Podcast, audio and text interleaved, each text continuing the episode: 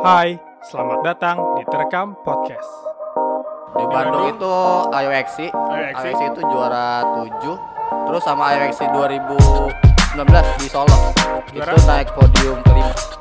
Banyak cerita menarik telah dibagikan. Gue bawa basket kan pagi-pagi, pemanasan segala macam. Disuruh pakai sepatu roda nyebur ke kolam renang, min. Dan semua telah terekam. Entah kenapa itu ketua Kemenpora ketangkap korupsi, min. Gue gagal berangkat lagi jadi ya. Baik lagi di Terekam Talks episode kesekian. Pada kesempatan kali ini kayak kayak pidato ini upacara ya. Di episode ini pertama kali kita pakai eh, pakai studio di 101 atau 101 Coffee di Jalan Padi dekat kampus Pakuan. Thank you buat 101 Coffee udah nyediain studio yang di mana ini studio baru ya. Studio barunya thank you banget. Jadi buat yang pengen ngopi santai-santai bisa ke sini. Banyak cewek-cewek cantik, cowok-cowok jelek. di episode ini gue kedatangan temen gue yang udah gue calling dari Agustus baru bisa datang di bulan Februari 2021 lu bayangin gimana sibuknya dia gitu di sini gue bakal bahas tentang inline skate ya jadi eh, selamat datang buat Ridwan Putra alias Iwang Oh, sorry ini, min. Gua udah janji dari Agustus ya? Lama banget kayaknya. dari. Agustus gue cek tadi Wah, haji. Mal orang susah emang sibuk, min. susah emang dia Iya. orang sibuk loh fix. Nah gue kenal dia tuh karena sekampus sama gue dan yang bikin gue pertama kali kenal tuh yang bikin gue apa ya tertarik sama kehidupannya adalah pas gue ke rumahnya belajarnya. Belum ternyata dia bukan ternyata dia tukang semua gitu. Apa pun bisa dia kerjain. Sebutin apa aja bang selain lu bisa nyablon terus Dulu tuh gue bisa sol sepatu. Awalnya sepatu. tuh gue sol sepatu karena om gue ini dia ya. tukang sol sepatu, min. oh, Iya. lu jadi bisa Ya, terus Jahit tuh. lama itu nenek gua yang di Sukabumi itu dia nge- ngebawa mesinnya itu ke rumah, mesin jahit itu. Ya, jadi jadi- gua belajar ngejahit, min dulu. jahit terus kalau. Apa aja dulu, min? berarti eh lu belajar nyablon kapan waktu itu yang lu akhirnya Oh, dulu dulu gua nyablon itu awalnya dari temen gua, Ah. namanya si Sigit dulu. Iya. Itu pas SMA. Jadi dia buka sablonan. Lu nongkrong di Nah, sana. gua tuh nongkrong di situ terus bantu-bantu. gua pikir-pikir ya, ternyata nyablon itu gampang ya. Enggak, berarti sebenarnya gini, Bang. Kalau yang gue lihat lu tuh emang anaknya ngoprek tuh nggak lu? Apa sih namanya eh, kayak Sebenarnya gue pengen banyak pengen tahu sih, pengen Ya, bisa, pengen tahu. Jadi- bisa aja sebenarnya. Nah, kalau misalkan kita ngomongin inline skate sendiri kan lu ini um, disclaimer aja Iwang eh, untuk dunia inline skate ini lumayan berprestasi gitu. Udah sempat sering juara nasional ya. Hmm. Juara nasional terus untuk juara internasionalnya pernah kan lu? Pernah dulu di Bandung. Di, Di Bandung, Bandung? itu. Ayo Exi. itu juara 7. Terus sama Ayo Exi 2019 di Solo. Juara? Itu naik podium kelima. Juara satunya dari negara mana? Satunya itu dari Australia, Juara duanya? duanya itu Thailand, tiganya Thailand, empatnya itu Cina. Oh, berarti lu kalau Indonesia lu yang paling pertama ya? Ya, berarti? Indonesia gua doang. Yoi, yoi tadi. Oh berarti lu uh, maksud gua um, untuk scene inline skate sendiri untuk nasional berarti lu emang udah ini emang ya udah udah dikenal lah gitu sebagai Ridwan Putra atau sebagai Iwang sih nama ini. Nama Iwang sih, gua Iwang di ya? rata-rata dipanggilnya Iwang sih. Nah, lu mulai itu kapan sih mulai main-main skate? Eh mulai mulai main inline, inline skate? Awalnya pas 2013. 2013. Jadi ya? awalnya gua sebenarnya iseng. Kan gua dulu kan 2012 itu gua kerja nih. 2012 kerja. Ya. Sempat kerja dulu sebelum kuliah. Kerja dulu gua. Kerja setahun. Nah, tahun kedua itu kontrak gua 2 tahun deh. Ah, Kontrak yang keduanya gua masuk kuliah. ah. Pas gua ngerasa kuliah gua hancur, hancur banget, Min. Semester 1 oke lah nih. IP gua 3 ya. Semester 2 dapat surat gua, Min. Dari kampus. Yang IPK-nya lebih dari tiga dapat ya? Yang lu suratnya apa isinya? IPK kan? Iya, IP gua IPK gua 1, Min. Ih, tai. Mungkin dapat, tapi gue IPK gue kan 3,5. Ah. Dikirimin juga surat kan? Iya. Iya, sama. Lu IPK 1. IP 1 doang Lu gue ke mana itu? dikirimin. Jadi gua ngerasa nih kerja gua nih yang ini nih yang, Yang bikin hancur. Iya, ngebikin kuliah gua hancur. Akhirnya gua mutusin keluar kerja. Ah. Gua keluar kerja, nah gua kuliah doang. Gua bingung, Min. Gua kata gua, gua kuliah doang, pulang kuliah ngapain deh? Eh, secara ada jiwa-jiwa kegiatan lu gitu, jiwa-jiwa iya. ngapain gitu kan ya? Gua udah nyablon jarang kan, udah ini itu jarang. Akhirnya Memutuskan gua dulu inget waktu kecil itu SD apa? Temen di depan rumah gua itu dia punya sepatu roda, gua sempat cobain. untuk Oh. Nah, gue mikir kata gue, gue ada tabungan nih pas gue kerja, beli aja lah iseng. Kira gue belilah tuh. iya, roda empat yang yang Barbie ya gambar Barbie. Barbie, Barbie itu serius, tapi nggak Barbie juga gambar ya. Dulu warnanya hitam merah. Oh. Cuman itu emang ringkih banget dah. Berapa lo beli? Masih yang masih yang ece-ece ya belum kayak Dulu sekarang. beli dua setengah. Dua puluh ribu. Hmm, sekarang kan udah di endorse kan? Iya. Alhamdulillah. Terus waktu itu langsung main di mana awal-awal? Dulu gue main di pinggir jalan di Hypermart yang di eh, underpass tuh. Kan lu ada Hypermart di situ. Jalan baru ya? Iya. Oh di situ. Ada Hypermart yang udah kosong tuh. Nah, pokoknya di dulu main ya. situ. Awal banget main di situ. Terus nggak lama gue ngajak teman rumah gue buat main di Yasmin. Hmm. Beberapa temen gue ada yang ikutan main juga. Oh jadi kayak gitu ya. Hmm. Jadi Terus- mulai rame lah tuh. Tapi kalau begini Wang, kan lu kan emang maksudnya dari kalau yang gue lihat updatean lu kan emang lu aktifnya di Jakarta ya maksud gua. Hmm. Tapi kalau misalkan ada kompetisi atau apa lu mengatasnamakan Bogor apa Jakarta? Tetap nama Bogor. Oh Bogor yang lu ya, bawa ya. pasti nama Bogor. Soalnya kan di Jakarta ini kan gue karena kerja kan. Oh di jadi Jakarta kerja. main di sana gitu. Iya. Jadi kalau misalkan gue main di Bogor kan jauhan. Dan gue pulang ke Bogor juga sebulan sekali. Masa main main inline sebelah Kalau kali gak bakal di juara Bogor dong. terus gue bisa podcast tiap hari kali. Terus gini Bang, yang gue bikin gue penasaran ya dari inline skate ini atau sepatu roda ini, maksudnya perbedaan atau sepatu roda inline skate itu tuh perbedaannya di mana sih sebenarnya? Sebenarnya sepatu roda ini sebutan untuk yang umumnya min. Hmm, Jadi semua sepatu roda yang ada rodanya itu sepatu roda. sepatu roda. Nah inline skate ini sepatu roda yang eh, rodanya itu udah sejajar. Jadi empat roda itu berjajar sebaris. Karena kan dulu kan sepatu roda itu kan depannya dua, belakangnya dua kan. Ya. Kayak skateboard gitu. Ya, ya, ya, nah ya. itu itu sebenarnya sebutannya itu quad skate. Quad skate. Nah. Berarti yang yang dipunyain sama anak kecil kalau nongkrong sama ayahnya itu quad skate tuh. Ya. Quad skate. Kalau lu? Kalau gua lebih spesifik lagi, gua day subnya dari si inline. Jadi inline itu sebenarnya yang gua tahu ini cuma ada empat. Jadi ada rekreasional atau urban itu yang biasanya dipakai anak-anak kecil tuh. Oh iya iya buat Ya, buat main-main. jalan-jalan Oh. doang. Hmm. Ada lagi slalom. Salom apa? Oh yang Slalom. apa yang tadi lu bilang ya yang apa? Ya, yang biasanya itu dia Kayak ular gitu ya? Iya, yang kakinya kayak ular-ular Oh. gitulah, meliak-liuk gitulah. Terus? Ada lagi urban. Urban ini sama kayak rekreasional. Cuman? Cuman eh, dia lebih expert aja gitu. Biasa main di pinggir jalan. Oh, Terus dia bisa dipakai buat Oh, iya, lompat-lompat iya, iya, iya. juga. Jadi jadi kalau kalau si inline skate urban ini dia buat buat rekreasional juga tapi orang-orangnya lebih kayak lebih jago gitu. Jadi Ya. dia bisa bisa pakai di jalanan ya. ya, Terus ada lagi sama agresif inline skate. Nah, Agresif inline skate ini roda depannya itu cuman dua sebenarnya. Oh. Depan satu, belakang satu. Tengahnya ini roda juga cuman plastik. Itu biasanya buat pakai ngegrind.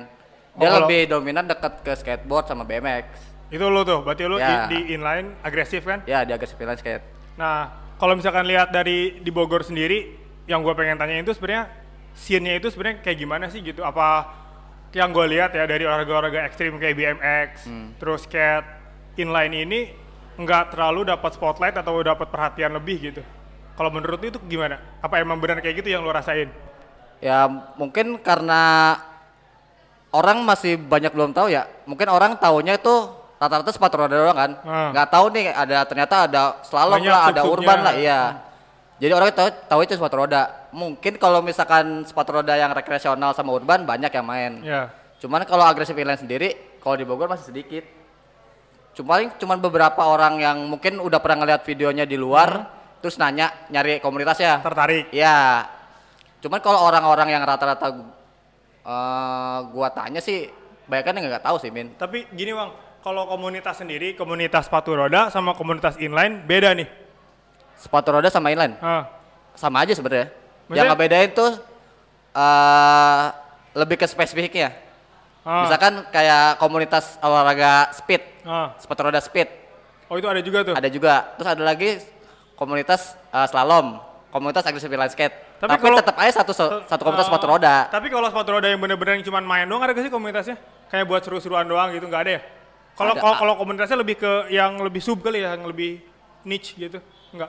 Hmm, kayak kalau kayak gua sih ya basicnya sebenarnya buat emang buat fun-fun doang. Iya sih pasti. Iya. Lu ngapain juga udah kan itu Iya. kan salah satu cara lu buat buat kalau stres sekolah Iya. kerja kan main kan. Maksud gua kalau emang sepatu roda yang biasa tuh nggak yang buat rek- rekreasional sendiri, Ah. itu ada komunitasnya lagi gak? Kayak bapak-bapak, ibu-ibu, anak kecil gitu. Ada aja sih di Ada Bogor ya? sendiri ada kalau nggak salah Ada. ya? Ada di Bogor. Cuman gua nggak tahu nama komunitasnya. Cuman gua pernah eh, ikut main di situ. Jadi Oh. waktu itu ada teman gua namanya si Aboy. Nah, dia tuh Anak buah Yesus bukan coaching di situ. Apa? Abu yang namanya anak buah Yesus bukan?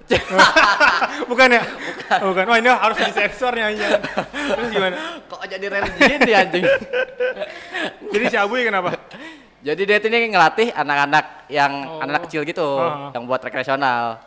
Nah, dia tuh ngontek gua buat nanya-nanya soal agresif. Oh buat buat kasih Ya. tahu gitu ya. Akhirnya ya gua udah ketemu si Abuy, nah dia main agresif juga sampai sekarang. Tapi gini kalau menurut gua mungkin agresif karena apa tidak terlalu banyak yang ikut karena mungkin terlalu brutal kali ini ininya gaya-gayanya gitu. Lu pernah kayak misalkan apa gitu cedera gitu pernah gak lu? Cedera ya pernah lah, Pernah? pernah lah. Cedera ya udah, maksudnya udah resiko ya. Udah resiko Cuman kalau menurut gua yang bikin orang-orang awam itu nggak tahu agre- agresif line skate Hah? karena eh, belum banyak yang main di Indonesia ini belum banyak yang main. Udah Oh gitu. emang emang belum banyak yang main. Ya dulu tuh waktu gua awal main itu nyari toko sepatu roda itu nggak segampang sekarang min. Kalau dulu tuh paling cuman dua lah Di di Indonesia. Itu di Indonesia, cuman Wah dua. gila anjing Indonesia cuma ada dua. Iya. Di Bogor nggak ada dong berarti ya? Bogor nggak ada. Ada Coba itu di- dulu cuma di Jakarta sama di Jakarta ada dua. Di Bandung Oh. dulu ada satu. Cuman pas gua main itu udah ya Tutup. di Bandung udah tutup. Oh, di Jakarta doang nih ada Oh dua. pantesan, maksud gua oh ternyata emang penyebabnya emang gak terlalu kelihatan tuh emang dari istilahnya dari ekosistem si si apa ya si olahraga ini tuh emang kur- belum gitu ya. Iya. Jangan kan ngomongin fasilitas, ngomongin toko aja untuk penyedia alat mainnya aja nggak susah gitu ya. Iya. Kecuali sekarang ya. Kalau Sekarang sekarang, udah nih, lumayan. Iya, semenjak corona kemarin, Hmm. itu tuh sekarang udah banyak toko inline yang buka, Min. Oh gitu. Iya. Dan rata-rata tuh jualnya udah ada agresif inline-nya. Kalau dulu kan toko banyak nih. Oh iya iya, tapi Cuma rekreasional biasa- doang. Oh iya iya. yang sekarang- inline ini nggak ada. Tapi kalau sekarang tuh udah di digabung nih. Oh. Ada yang jual inline termasuk sama yang agresif juga. Tapi emang kalau dari tingkat kesulitan lebih susah yang biasa apa yang inline? Kalau gua pribadi sih kalau yang inline itu sebenarnya dia buat basic aja. Lu kalau misalkan mau main agresif harus ada basic jalannya dulu. Oh iya sih, basic-basic dasar gitu ya. ya, bisa aja nih lu misalkan eh, lu pengen main agresif nih. Ah, Lu belum pernah main sekali, bisa Ya. aja lu belajar jalannya apa agar agresif inline. Cuma lebih susah. Karena dia Oh, banyak lebih kecil. Vin. Oh. Nggak sebesar yang rekreasional. Oh, pantesan. Gini, Wang, eh, karena yang gua dengar lu sering ikut kompetisi nasional dan internasional, untuk pertama kali lu yang menginspirasi lu untuk main dan akhirnya me- apa akhirnya serius atau sering terjun ke dunia inline sendiri tuh siapa? Misalnya kayak- ada atlet internasional atau siapa yang lu look up gitu, ada gak? Oh, kalau yang influence gua sih dulu Heeh. ada namanya Brian Aragon. Brand Aragon Ya. dari Jadi dia itu atlet eh, profesional agresif inline skate. Dari negara mana? Timor Leste. Gak tahu gua. Dari Gua nggak tahu. Gua ngefans kok tapi gak tahu ya. Yang penting- setengah-setengah nih kayak gua. yang penting lu suka Yang penting gua gayanya aja. suka mainnya dia pokoknya. Jadi gua ngeliat dia ini mainnya kayak gampang, Min. Hmm. Gampang banget mainnya. Dan ternyata pas gua coba susah, Min. Kata gua bisa kayak gini nih orang ya. Oh biasanya yang sederhana tuh mengalahkan yang rumit. Ah, dia dia bisa eh, menyajikan trik yang susah dengan yang gue lihat itu gampang banget, Min. Hmm, Itu yang gue bikin tertarik. tertarik lah. Akhirnya setiap gue main, gue ngatain Ngikutin? dulu, ikutin dia. Oh, Sampai sekarang lah, berarti lu apa uh, terinfluence sama itu ya? Siapa nih Aragon ya? Brian Argon. Tapi awal gue main, gue awalnya iseng doang. Iya karena sih, pengen pasti. olahraga doang. Uh, kalau ini bang yang pengen gue tanyain, kalau Cupu Bladders apa sih bang? Cupu Bladders? Cupu Blades itu dulu itu dia sebenarnya cuman geng aja. Oh, Jadi ini geng Geng Jakarta nih. Iya. Jadi geng yang dibikin sama Thomas Tawilis. Nah itu Thomas Tawilis itu gue pengen tanyain tuh. Nah, dia ini dia nggak jual apa-apa, dia nggak jual apa-apa, dia nggak, ya pokoknya nggak jualan lah. Dia cuma ngebentuk geng doang. Geng bisa bilang komunitas gak enggak ya? Enggak sih. Oh, Soalnya pokoknya- komunitasnya tetap sepatu roda. Geng, Dia cuman geng, ya geng. Klub bikin- kali ya bisa ya, bilang klub. Klub bisa. Klub. Dia bikin cupu belas ini, dan dia narikin rider-rider yang berprestasi buat disponsorin. Oh. Sponsorin cuma-cuma aja udah. Oh tunggu tunggu, lu awal perkenalan sama Thomas Nawilis gimana sih? Awalnya, Awalnya sih dia gua ngeliat udah gimana? gua ketemu secara langsung itu udah sebelum cukup Blader ya. Udah dua Oh. kali waktu itu di Senayan HG Show nama eventnya. Oh, lu Nah, lu apa? Lagi main lu. Ya, gue ikut kompetisi itu pertama kali kompetisi. tuh kompetisi besar yang Lu nasional. ikutin? Ya. Juara gak?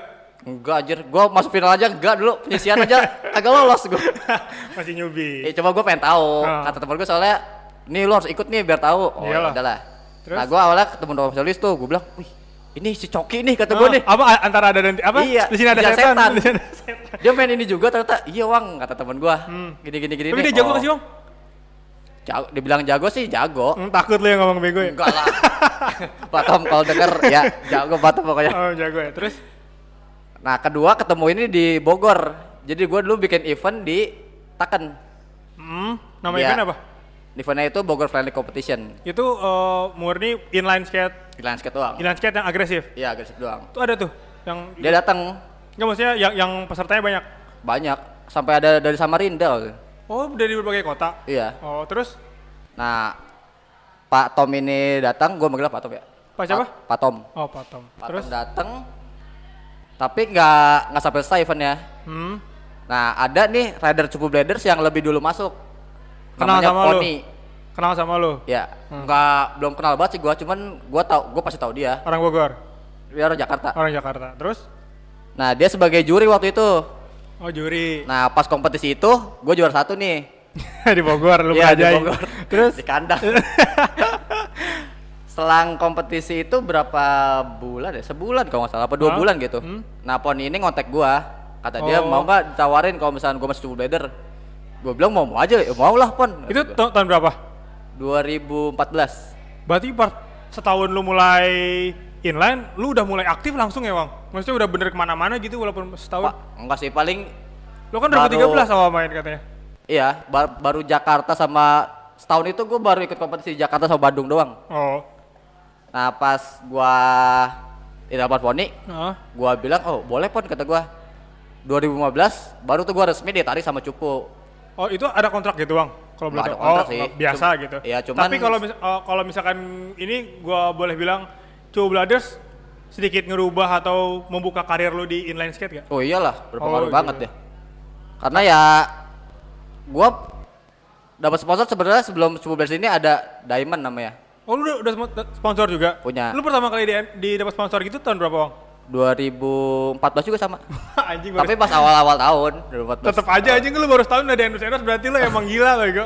Berarti lu cepat belajar kayaknya orangnya. Mungkin karena sering kali ya. Oh, iya Dulu sih. tuh Min gue main tuh pulang kerja main pulang kerja main Min. Langsung karena langsung gitu. bukan karena pengen jago atau gimana ya. Karena teman-teman rumah gua ini yang main semua. Oh. Jadi ya ya Oh, asik aja gitu ya. Terus lagi lanjut ke Cepo Brothers gimana tuh? Nah pas eh 2015 di Mas Coba Blader, nah, mulailah gua nih dapat baru ngerasain nih dapat sepatu roda gratis Bin. anjing. Wah, anjing, gua Dulu dapet harganya mahal gratis. kan ya? Hah? Harganya mahal juga kan? Lumayan, Min. Eh, terus Wah kata gua oke juga nih kata gua bisa begini. Nah mulai dari situlah gua mulai terbuka nih ikut-ikut kompetisi yang Hmm. lebih jauh lagi kayak ke Surabaya. oh, tapi kalau sekira jauh aja. kalau klub dari dari inline skate sendiri yang yang agresif yang lu, Hmm. selain Cepo Brothers ada lagi gak? Klub-klub yang bikin klub-klub kayak gitu? Atau yang serius cuma Cepo Brothers doang? Kalau dulu sih Cool Brothers doang ya. Maksudnya yang Seserius itu gitu? iya yang yang sampai dia tuh nge-support rider nge-support orang gitu. Atau kan Pak Tomnya kaya sih ya? ya tetap aja gitu kan lu ngasih cuma-cuma gitu tapi kan lu nggak dapat Harus, apa-apa iya, gitu iya, kan. iya, Dia dia emang Patom ini dia nge-support karena emang dia hobi banget main sepatu roda bin. Jadi dia Oh. tuh nggak mau ada orang yang mainnya bagus tapi nggak ada yang Nggak ada yang- gitu. oh, Iya, bener, bener, jadi bener. dia yang merhatiin, Oh, dia yang nge-support. Berarti dia emang tulus gitu ya? Iya. Tapi kalau untuk organisasi induk pemerintahnya atau di pemerintahnya ada nggak sih kayak persatuan kan kalau bola PSSI. Ah. Kalau lu ada gak? IASA namanya. Ada? Iya. Indonesia Patom? Aggressive Association. Oh ada. Ada. Itu resmi dari di Kemenpora itu resmi. Kita belum masuk ke Kemenpora sih. Oh, belum masih- secara resmi masuk ke Kemenpora. Cuman kalau Nggak usah asosiasi asosiasi Nggak usah lah, nggak usah. Indonesia-nya itu. Oh ada. Iya. Kalau Patom nggak bukan pegawai sana atau nggak aktif di organisasi. Dia mah pokoknya secara mandiri karena dia suka, pengen karena apa ya seneng gitu. Iya. Terus ngelihat rider-rider yang bagus ditarik-tarik aja kali gitu. ya. Iya gitu doh ya. Berarti kalau bisa dibilang orang-orang pada pengen dong gabung di Cepu Brothers. Gak pengen lah, gua aja kagak nyangka, Min. Sekarang ada berapa atlet? Eh ada berapa itu riders yang di sana? Banyak. Sekarang ada lima. Cuma lima. Ya. Berarti eksklusif juga ya nggak sembarangan direkrut ya? Dulu sih setahun sekali, Min. Ada rekrutmen? Iya, rekrutmen. Gue nggak nggak lihat di Job Street. Nggak ada ya? Terus? Dulu tuh cuman eh cuma lima sampai sekarang nih. Mungkin kalau sekarang kan True Bladers udah agak nggak ke expose nih. Karena si Patom ini sekarang ngurusin Eggroll. Oh, dia ini Eggroll. join Dia sama Oh, Edro punya dia juga? Sebenarnya Eggroll ini dulu yang punya Arif namanya. Oh, Nah, yang Arif- sekarang ini kan jadi ini resmi lu kan? Ya. Dia Arif endorse kan? Endorse lu? Ya. Arif ini dulu dia buka Eggroll cuman sempat tutup. Hmm. Nah, 2019 ini Pak Tom sama ini ini join sama Arif ini. Oh ya. Bikin Eggroll gabung. Oh, sampai sekarang berarti Edro resmi kebentuk tahun berapa? Sebenarnya resmi kebentuknya dari sebelum gue main udah ada, Min. Oh, Cuma- Edro tuh emang emang emang udah wah ada kentang nih makan-makan dulu. Eh, Ada ini emang ngerepotin emang nih, udah apa? Jadi ngerepotin. Ah, santai. emang udah dia emang udah ada dari lama gitu ya sebagai perusahaan. ya, jadi dia emang yang tadi gue bilang tuh dulu ada toko dua itu, salah satunya Eggroll. Hmm.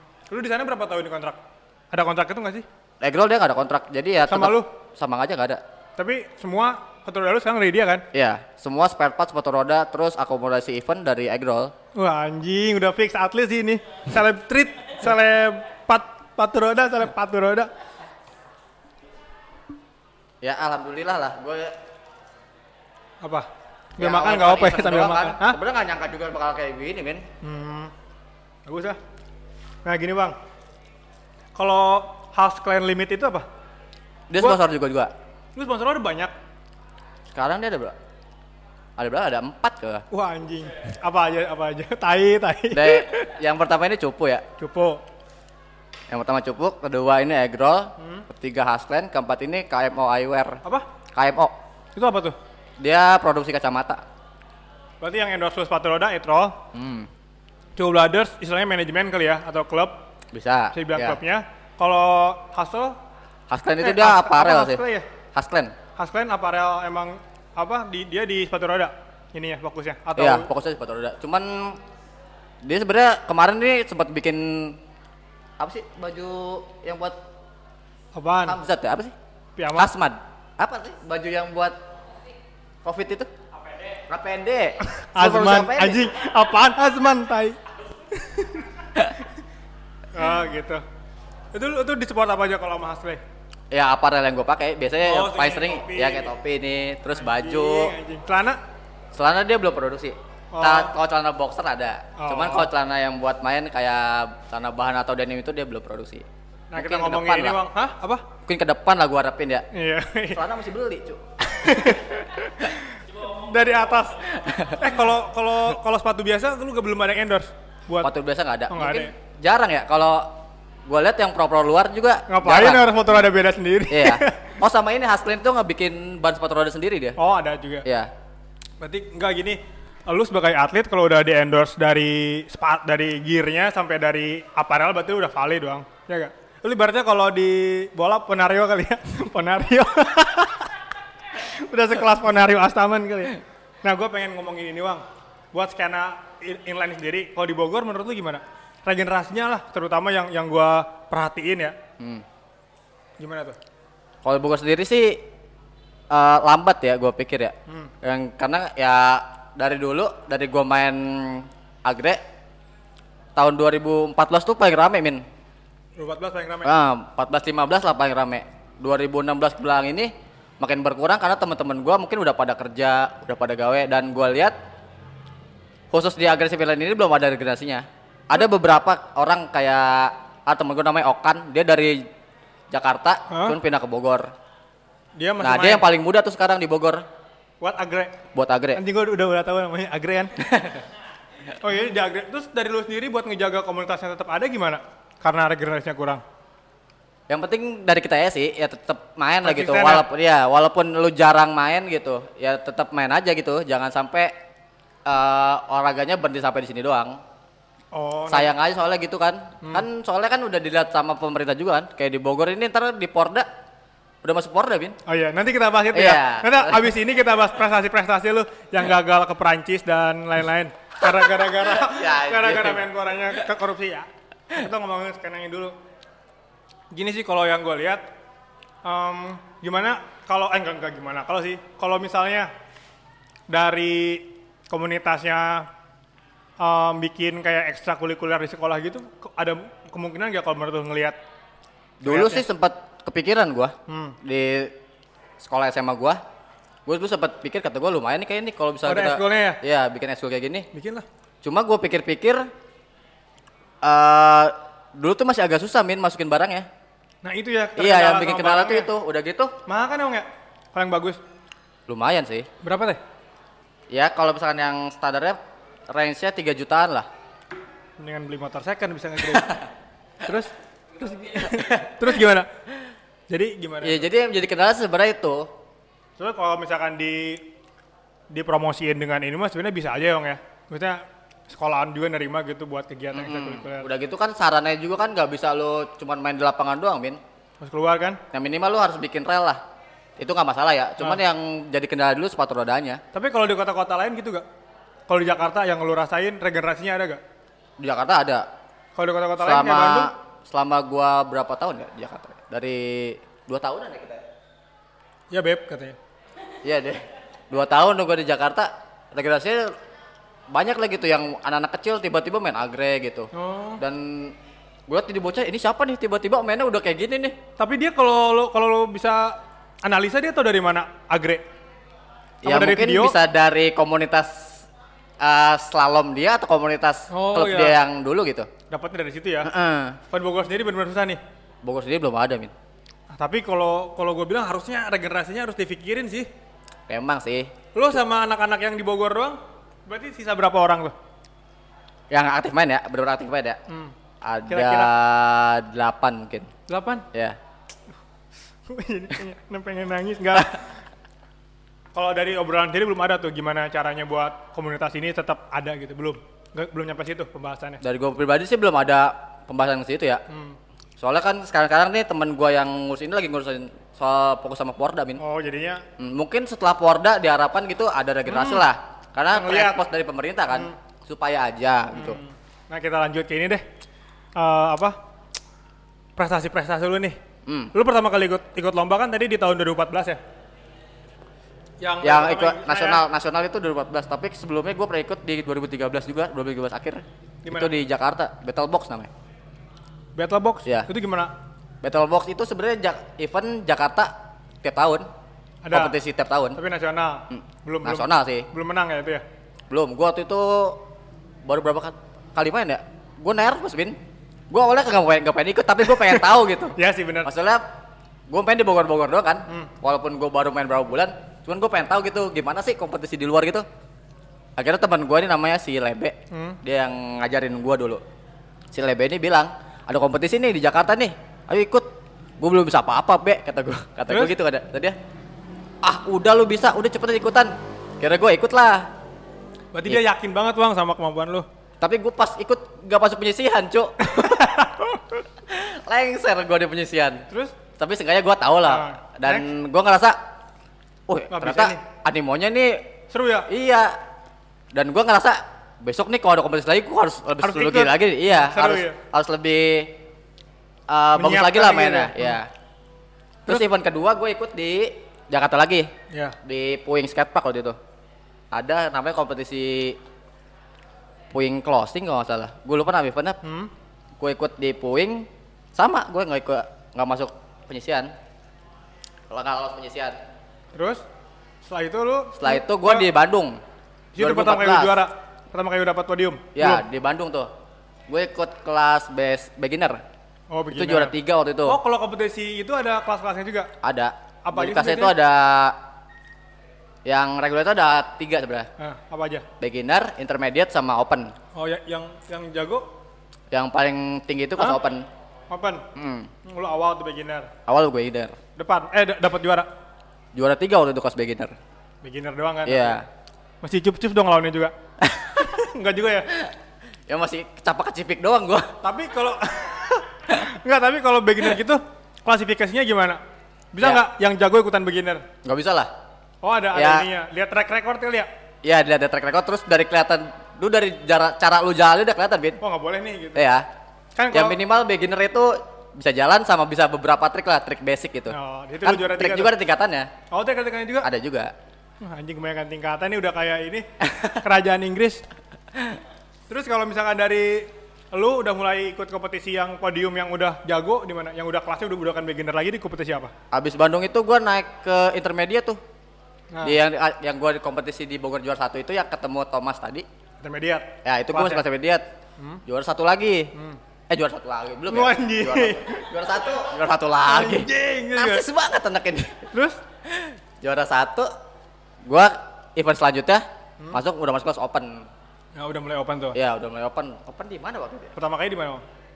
Di Jakarta kalau salah. Battle Box yang Box 2014. lagi. Ya. Juara gak? Nggak juara kayak gua. Kelas open itu. Lupa Terus gua ya. pertama kali lu kas open yang juara di mana?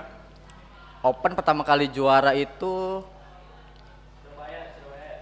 Iya di Surabaya Open tapi itu bukan yang pertama sih. Setelah di Surabaya itu kan 2017 ya. Oh. Itu gua Open juara satu tuh. Wah, Apa itu anjing. pertama kali ya? Itu Iya, kayak itu, itu- pertama kali dah. Itu itu iya, nasional. Nasional. Jadi Surabaya itu emang tiap tahun itu dia join sama pemerintah, udah enak dia. Tuh bisa tuh. Iya tiap tahun jadi udah ada kompetisi wajibnya. Lu juara satu di sana. Ya. Hadiahnya gede gak, Bang? Lumayan sih. Anjing. Lumayan lah. Ya. Boleh ruah amin. Umroh dia. Manasik, manasik. Manasik haji. Terus kompetisi internasional pertama Pertama 2015 di Bandung. di mana? Di Bandung. Tahun berapa? 2015? Ya 12. Jadi Indonesia ini ada kompetisi internasional setiap tahun namanya, IOXC. Ya. Nah, dulu tuh gue ikut IOXC itu ya 2012 tuh di Bandung. Gua awalnya nggak nyangka juara, Min. Ah, Ya iyalah pasti. Itu Serius enggak serius ini. Jadi gua abis main nih, abis main belum pengumuman gua bener-bener udah cabut pulang ke Bogor. Maksudnya? Oh, lu pas pengumuman juaranya nggak ada. Iya, tapi itu gue mikirnya karena besokannya gue ada presentasi kuliah waktu itu ada bu siapa sih yang pakai kacamata itu yang galak cil bu Sofi ya bu Sofi bukan sih Nggak ada gila. Ada ya? pokoknya ada lah Pokoknya- dosen yang galak itu gue takut sama dia min Oh. jadi gue belum pengumuman abis kompetisi langsung kita Oh, balik aja yuk ya. ya udah akhirnya gue balik dan di tengah jalan pas nyampe mana lah gitu gue ditelepon sama si Poni itu Oh, kan iya, gue iya. udah masuk cukup blender tuh Ah. Telepon sama si Poni, Weng lu di mana kata dia. Pasti setengah jalan Pon, kenapa?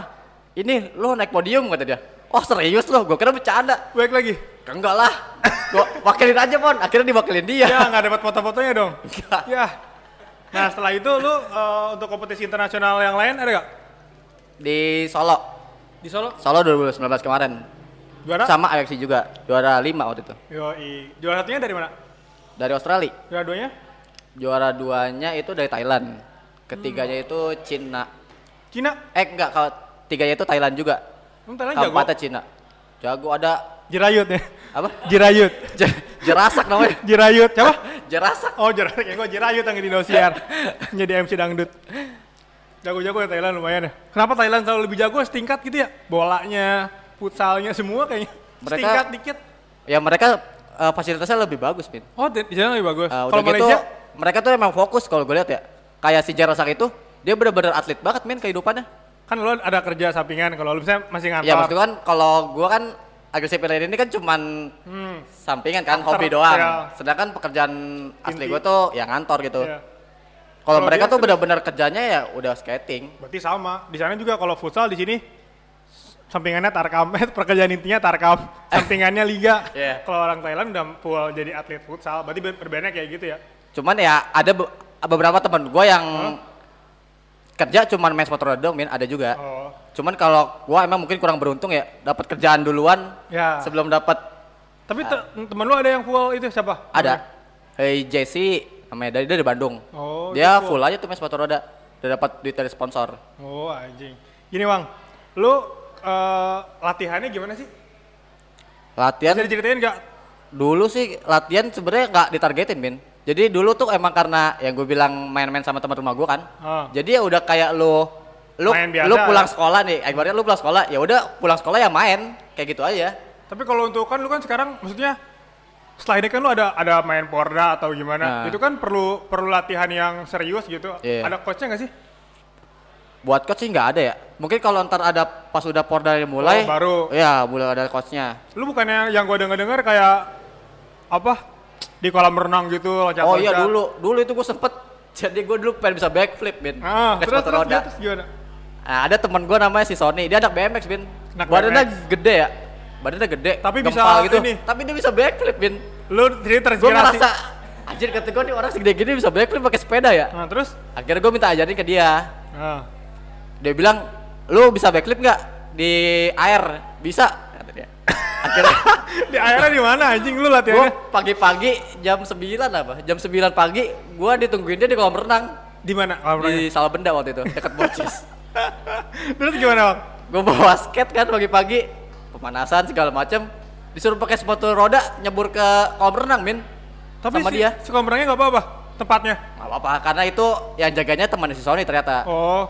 Lu Jadi loncat-loncat terus sana. gue lompat-lompat aja terus Wah. backflip di kolam renang Terus, Berarti terus, terus. emang lu latihan bener, Bang. tapi kan kalau dulu kan gue mikirnya karena pengen bisa min Ya itu yang yang Iya. bawa lu ya. Tapi lu eh, dengan latihan yang kayak gitu gitu ya. Lu yakin nggak? Sekarang udah nggak kayak gitu lagi, nggak segila gitu lagi latihan. sekarang udah enggak sekarang fokusnya itu lebih ke teknikal kalau itu kan Oh. lebih yang ke ekstrim ya kayak lu salto-salto gitu soalnya kan ada beberapa tipe tipikal orang ah, beda-beda main mainnya tiap orang tuh pasti tipikal mainnya beda-beda ada yang suka mainnya salto-salto Oh di itu juga ada inline skate yang satu-satu. ada min Kalau kayak lu- lu- Jesse yang tadi gue bilang itu Begitu dia orangnya. tipikal kayak gitu dan grindnya juga ada grind juga bagus juga dia Kalau lu lebih kalau gue lebih tipikal sekarang gue lebih tipikal ke grind sih, lebih teknikal gimana di tuh? grind. Jadi kayak lu nge-slide di besi. Oh, lebih yang kayak miring-miring gitu ya? Iya. Soalnya udah kerja, Min. Kalau misalkan kita salto-saltoan ngapa-ngapain kagak dapet duit ntar kerja, Min. Tapi pernah kayak cedera yang paling parah gimana? Pas lagi nggak salto sih waktu itu. Pas Pernah. waktu ada di Sempur, Hah? opening Sempur. Sebenarnya jatuhnya biasa aja, Min. Gue juga nggak ngira kalau itu bakalan separah itu gitu impactnya. Jadi gue cuma lompatin, ada namanya spine, Hmm. lompatin spine doang. Gue landing nggak sengaja kakinya itu satu-satu. Harusnya Ah. kan kalau landing itu Bareng. kakinya barengan dua Bareng. kan ya. Ah. Ini enggak Terus? gue kaki kiri dulu, terus kaki kanan. Terus yang terjadi adalah Pas gue mau bangun, gue jatuh min. Kata gue kok kaki gue kenapa ya? Ternyata? bangun lagi, ternyata ligamen gue itu kayak scratch gitu loh. Oh. Jadi gue nggak bisa nekuk waktu itu Terus kakinya. berapa bulan? 9 Cedera? bulan gue nggak main. Anjing kayak ibu mengandung. Iya jadi 9 bulan habis dari event itu baru eh opening itu baru buka banget tuh. Ini tahun berapa? 2014 pas sempur buka. 2014 banyak kenangannya buat lu 2014. Gua kira gua istirahat sebentar bakalan sembuh kan. Ternyata Taunya sampai malam gua gua tungguin di skatepark gua cuma ngeliatin yang main doang nggak sembuh nggak berbaik-baik. Tapi itu nggak nggak- bikin lu ini ya, nggak bikin lu ah anjing masa gua main lagi gitu. Soalnya 9 bulan parah loh kalau menurut gua. Tapi ya karena 9 bulan itu karena gua gatel tuh, Wak. Jadi kan kata Harusnya lebih? Iya, harus enggak, bukan harus- harusnya kurang. Oh harusnya kurang. Cuma oh karena, lu bandel. Iya, jadi gua main ke skatepark nih. Pengen ngeliat doang. Gatel Tapi nggak lagi, teman gua main, gua gatel pengen main. Oh. Main sebentar sebentar, tahu-tahu jatuh lagi, kambuh lagi. Lu itu pengobatannya gimana? Ada dokter apa sendiri aja gitu? Wah, cuma diurut-urut doang. Oh yaudah doang biasa lah Indonesia ya. Iya lah. Kalau atlet Kita Thailand- cintai produk lokal, men. Enggak, gue balik lagi.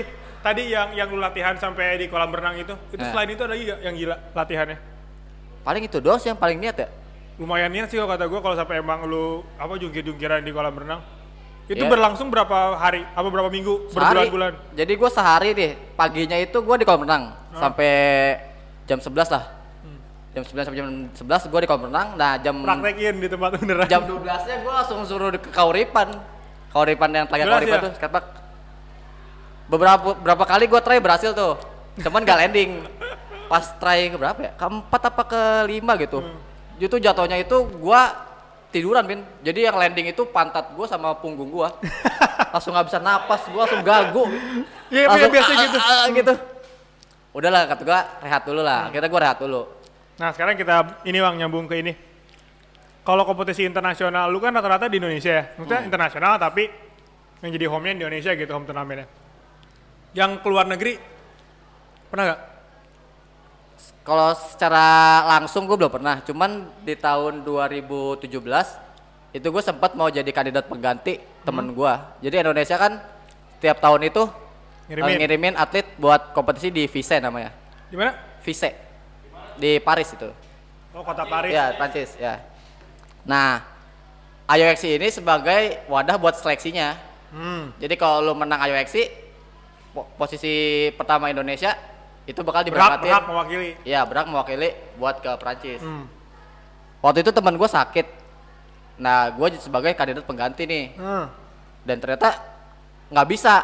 Padahal tahun sebelumnya temen gue yang dari Bandung itu dia bisa nggantin temen gue yang Yang udah yang udah harusnya berangkat gitu. iya. Dan tahun berikutnya ketika gue disuruh gantiin dengan posisi yang sama itu nggak bisa, min. Kok kata gue aneh nih ya. Terus gara-gara terus lu tahu penyebabnya kenapa? Pas ternyata kata temen gue itu si pengurusnya ini malah ngajak keluarganya min buat ikut. Jadi tiketnya itu buat keluarganya. Tai. Jalan-jalan dong. Jadi Tuh. jadi jadi family Gue holiday. jadi kesal sendiri kan ya. Jadi Wah, anjing, jadi family bisa-bisa holiday gitu dong ya. Iya. Nah tahun berikutnya nih 2018 nih, gue jadi kandidat tunggal. Karena lu juara berarti ya? Ya. Pas jadi kandidat tunggal, entah kenapa itu ketua Kemenpora ketangkap korupsi, Bin. Gue gagal berangkat lagi jadi ya. Yang menarawi ya? Ya, Imam Nahrawi itu. Emang emang tadinya emang kalau event yang dipakai situ dibiayai pemerintah ya? Iya, kalau visa itu kita berangkat di pemerintah semua. Ya, tai. itu kalau kalau emang rezeki kayaknya. Tapi kalau misalnya nggak korupsi mah lu berangkat tuh mewakili ke Perancis. ya mungkin berangkat karena ya udah udah ngenyediain segala macam lah udah gua udah prepare segala macam temen gua juga udah gembor-gembor siapin ini itu kan Ya, Tapi malah kayak gitu. Lah kalau ke Prancis apa ya maksudnya inilah ya lu makin percaya diri gitu ya. Terus nama lu makin melambung. ya seenggaknya gue bisa tahu nih animo di luar tuh kayak gimana Oh, walaupun sebelumnya tuh yang IOXC itu udah membawa Ah. atlet luar ke sini kan Ya. cuman gue pengen tahu nih kalau di sana animonya gimana? gimana, Itu yang penonton penasarin. penontonnya kali iya. aja ada gitu ya. Wah emang bukan rezeki tapi tapi itu buat motivasi lu lah ya. Tapi lu jatuhnya sebagai riders muda apa udah gimana kalau umur umur segini kalau di dibanding yang lain ya? kalau di inline ini nggak ada umur nggak jadi masalah Oh nggak jadi ya? yang jadi patokan tuh kelas ya Oh kelasnya. Kalau lu udah udah ini kan open gue kan? di open ya Udah udah atas lah ya. Nah berarti ke depannya lu eh, apalagi yang apa- ada yang disiapin nggak kayak kompetisi apa gitu yang besar? Paling kalau buat eh, regionalnya yang di Jakarta ya. Jadi ada ada rencana mau ada roller war namanya. Hmm. Roller war ke lima atau ke enam kalau salah. Ya roller war. Terus ada lagi Porda nih. Oh, Porda Karena tahun ya. tahun ini eh agresif inline skate ini masuk nomor di Porda. Oh ini pertama apa? Iya, apa pertama kali. udah? Oh pertama kali. Ya pertama kali inline masuk Porda. Tuan rumahnya? Tuan rumahnya kalau salah Banjar ya. Kota Banjar kalau nggak salah. Oh. Banjar. Iya. Banyak di Jawa Barat. salah tiga kota dah. Cuman gua nggak tahu tuh sisanya apa duanya. Karena belum banyak briefing ya kemarin tuh baru udah ketemu orang koni. Cuman ngomongin masalah siapa aja atlet-atletnya. Berapa orang sih bang biasanya? Kalau gitu, kalau anak eh, atletnya dikirimin? kalau nomornya ini ada dua nomornya. Oh, ada dua nomor. Ada nomor eh, agresif buat di skatepark sama agresif buat di skate. Cuman dari situ pecah lagi nih ada Putri sama Ada Putra. Ya, Ganda jadi campuran, nggak ada campuran. nggak ada. Cuma kendalanya ya harusnya kan satu nomor ini kan bisa beberapa atlet kan. Ah, Cuman kayaknya sih satu ya, masing-masing iya satu. cuma satu. Kalau lu Karena atletnya nggak ada. Oh gitu? Iya atletnya ini masih susah untuk di Bogor ya. Oh, Masih belum, Bogor. masih, iya masih belum lah. Masih belum susah dicarinya. Apalagi di kota-kotaan kata gua. Garut ada pasti. pasti. Mungkin ya supaya aja ada lah ya. Ada. Iya supaya aja ada lah.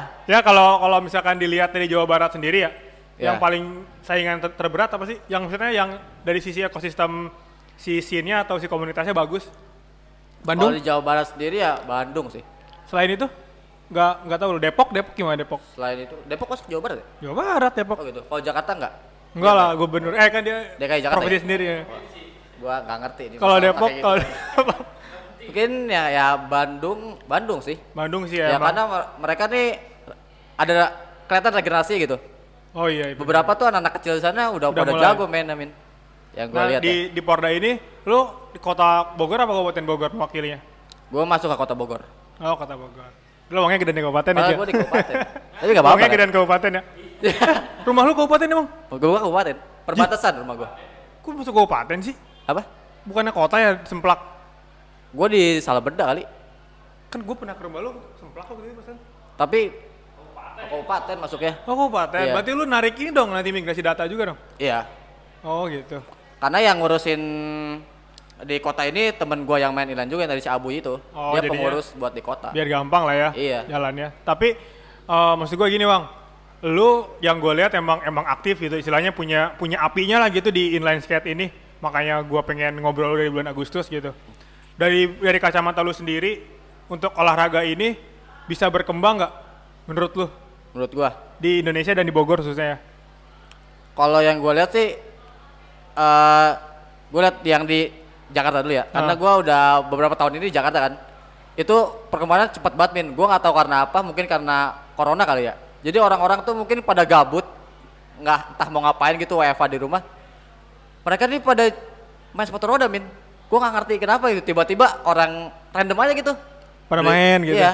Soalnya gue lihat di agro sendiri tuh banyak customer yang tiba-tiba beli aja gitu datang Bukan anak dan komunitas, ditanya bukan siapa ditanya gitu. tahu tahu dari mana dari temennya ini. Oh. temennya temennya temennya temennya lagi. Oh, iya, iya, seru juga ya. dan sekarang nih Jakarta ini lagi lagi hype banget min. Lagi banyak banget komunitas yang dulunya nggak gua tahu ya. Dulu tuh gua nggak tahu quad skate namanya. Quad skate tuh gua nggak tahu. Tiba-tiba sekarang banyak min di Jakarta. Oh gitu. kalau untuk di Bogor sendiri ya mungkin karena nggak ada tokonya atau belum banyak orang yang tertarik ya. Jadi ya masih flat aja min. Berarti dari sendiri wah nggak ada harapan nih kayak di sini. ya gue harapin sih setelah Porda ini ya, setelah Porda ini ya bakal ada peningkatan lah. Ya. Karena ya udah ada pemerintah supaya aja Ah, ada edukasi benar-benar. dari pemerintah kan. Iya. Karena sepatu roda kan maksudnya dulu kakak-kakak gue pernah punya, maksudnya dulu pernah pernah mencapai hype-nya mungkin. Iya, dua Pernah- tahun pernah. 90-an tuh Iya. hype banget kan sepatu roda. Maksudnya pernah pernah ada di masa jaya di mana orang-orang gang juga kan gue gang, kampung banget lah. Hmm. Iya. Kalau bisa digambarin kayak pekampungan Brazil yang narkoba-narkoba. yang ghetto banget ya. di situ aja udah pada main sepatu roda gitu. Maksudnya sekarang kan ya dulu pernah mencapai kejayaannya mungkin ke depan bisa lagi gitu harusnya. ya, sekarang sih udah mulai naik lagi. Naik lagi kan ya. Ya. Ya, untuk sepatu roda ya, untuk sepatu roda sih pasti orang tahu lah. Hmm. Itu pasti nggak bakalan putus ya. Oh, ya. Nah, kalau agresif inline sendiri ini agak susah. Karena Ya. orang-orang nggak berani kali. Ya mungkin ya karena kurang aja Enggak, kayak dari namanya aja udah agresif. Orang-orang yang kayak wah ini anjing ekstrim-ekstrim nih, anak-anaknya ekstrim, olahraganya ekstrim gitu kali bang ya. Ya bisa jadi sih.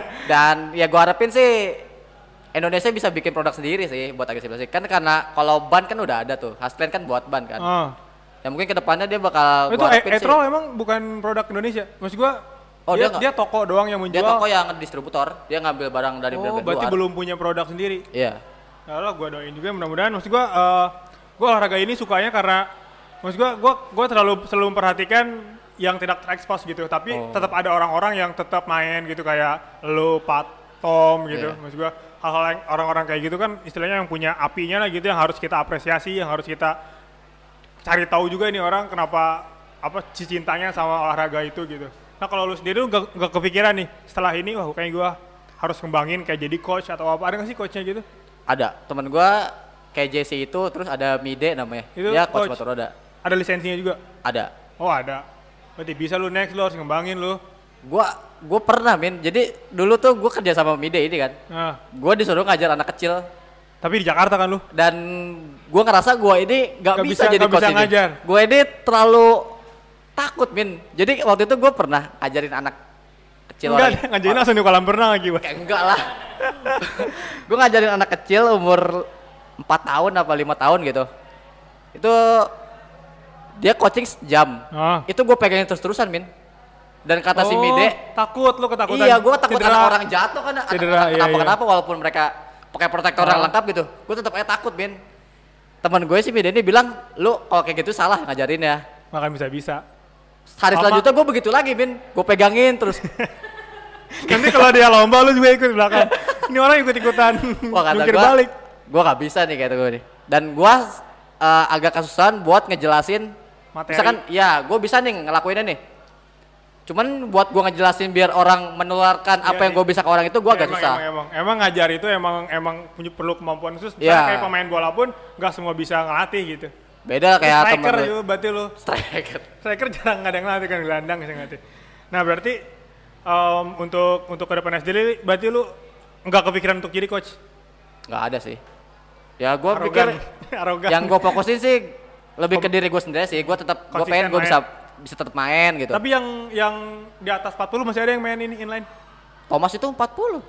Oh iya ya. Selain dia? Ada Billy. Hmm. Billy itu legend Indonesia tuh. Apa? Legend Indonesia. Tapi udah nggak jadi ikut kompetisi kan kalau udah umur umur segitu. Udah enggak. Tapi Tapi, masih aktif. terakhir masih ikut kompetisi dia, Min. Waduh. 40-an lah. Mewakili R Iya. kompetisi gede gitu.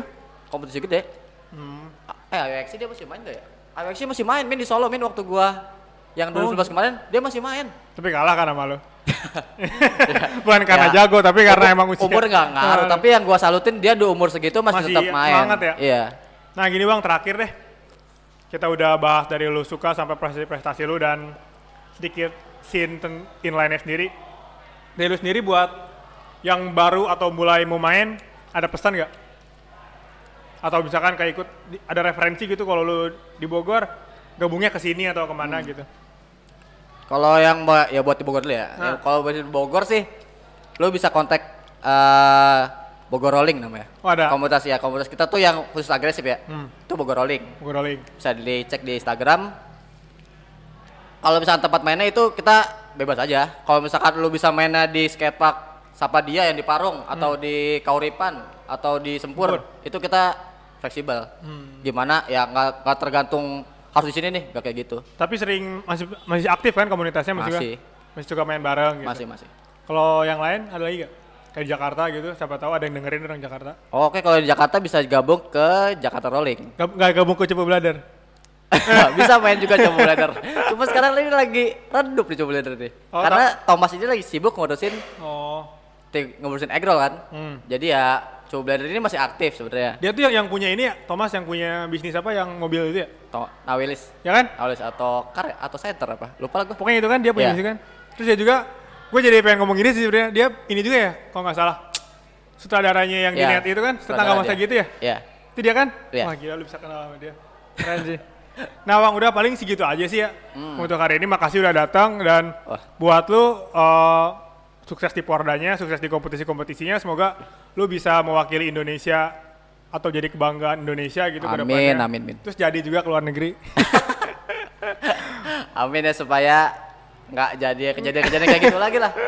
Ya maksudnya gue ngarep sih gue bisa kayak luar itu dengan ini gue sendiri. Iya. Soalnya ya kalau ngarepin pemerintah itu bukannya gue Sujud. sampai gimana ya. Cuman ya lebih proud aja gitu kalau kita bisa ke sana sedangkan Dengan kerja sendiri kan. Oke lah. Thank you Bang ya. Oke, thank you Min. Siap.